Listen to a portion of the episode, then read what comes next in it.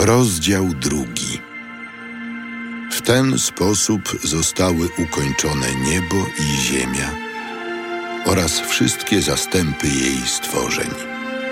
A gdy ukończył w dniu szóstym swe dzieło, nad którym pracował, odpoczął dnia siódmego po całym swym trudzie, jaki podjął. Wtedy Bóg pobłogosławił ów siódmy dzień i uczynił go świętym. W tym bowiem dniu odpoczął po całej swej pracy, którą wykonał stwarzając. Oto są dzieje początków po stworzeniu nieba i ziemi.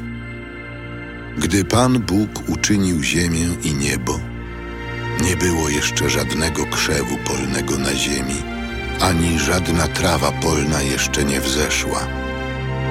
Bo Pan Bóg nie zsyłał deszczu na ziemię, bo nie było człowieka, który by uprawiał ziemię, a nurt wody wypływał z ziemi, aby w ten sposób nawadniać całą powierzchnię gleby.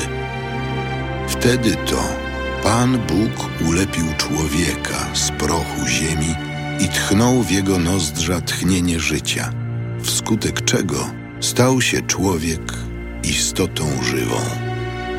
A zasadziwszy ogród w Edenie na wschodzie, Pan Bóg umieścił tam człowieka, którego ulepił. Na rozkaz Pana Boga wyrosły z gleby wszelkie drzewa miłe z wyglądu i smaczny owoc rodzące oraz drzewo życia w środku tego ogrodu i drzewo poznania dobra i zła. Z Edenu zaś wypływała rzeka, aby nawadniać ów ogród.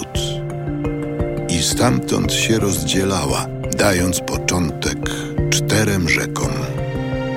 Nazwa pierwszej Piszon. Jest to ta, która okrąża cały kraj Hawila, gdzie się znajduje złoto. A złoto owej krainy jest wyborne. Jest tam także wonna żywica i onyks. Nazwa drugiej rzeki Gichon. Okrąża ona cały kraj Kusz. Nazwa rzeki trzeciej Hiddekel. Płynie ona na wschód od Aszszuru. Rzeka czwarta to Perat.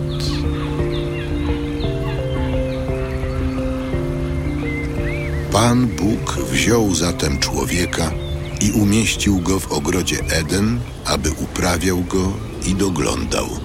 A tak przykazał Pan Bóg człowiekowi. Z wszelkiego drzewa tego ogrodu możesz spożywać do woli, ale z drzewa poznania dobra i zła nie wolno ci jeść, bo gdy z niego spożyjesz, niechybnie umrzesz. Potem Pan Bóg rzekł: Nie jest dobrze, żeby mężczyzna był sam. Uczynię mu zatem odpowiednią dla niego pomoc.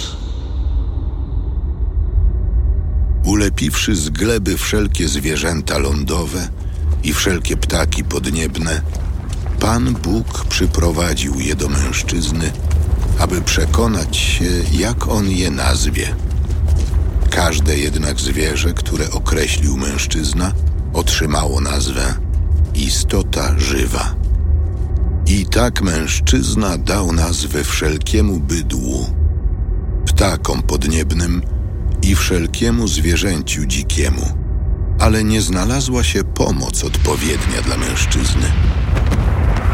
Wtedy to Pan sprawił, że mężczyzna pogrążył się w głębokim śnie i gdy spał, wyjął jedno z jego żeber, a miejsce to zapełnił ciałem. Po czym Pan Bóg z żebra, które wyjął z mężczyzny, zbudował niewiastę, a gdy ją przyprowadził do mężczyzny, mężczyzna powiedział: Ta dopiero jest kością z moich kości i ciałem z mego ciała. Ta będzie się zwała niewiastą, bo ta z mężczyzny została wzięta. Dlatego to mężczyzna opuszcza ojca swego i matkę swoją i łączy się ze swą żoną tak ściśle, że stają się jednym ciałem. Chociaż mężczyzna i jego żona byli nadzy, nie odczuwali wobec siebie wstydu.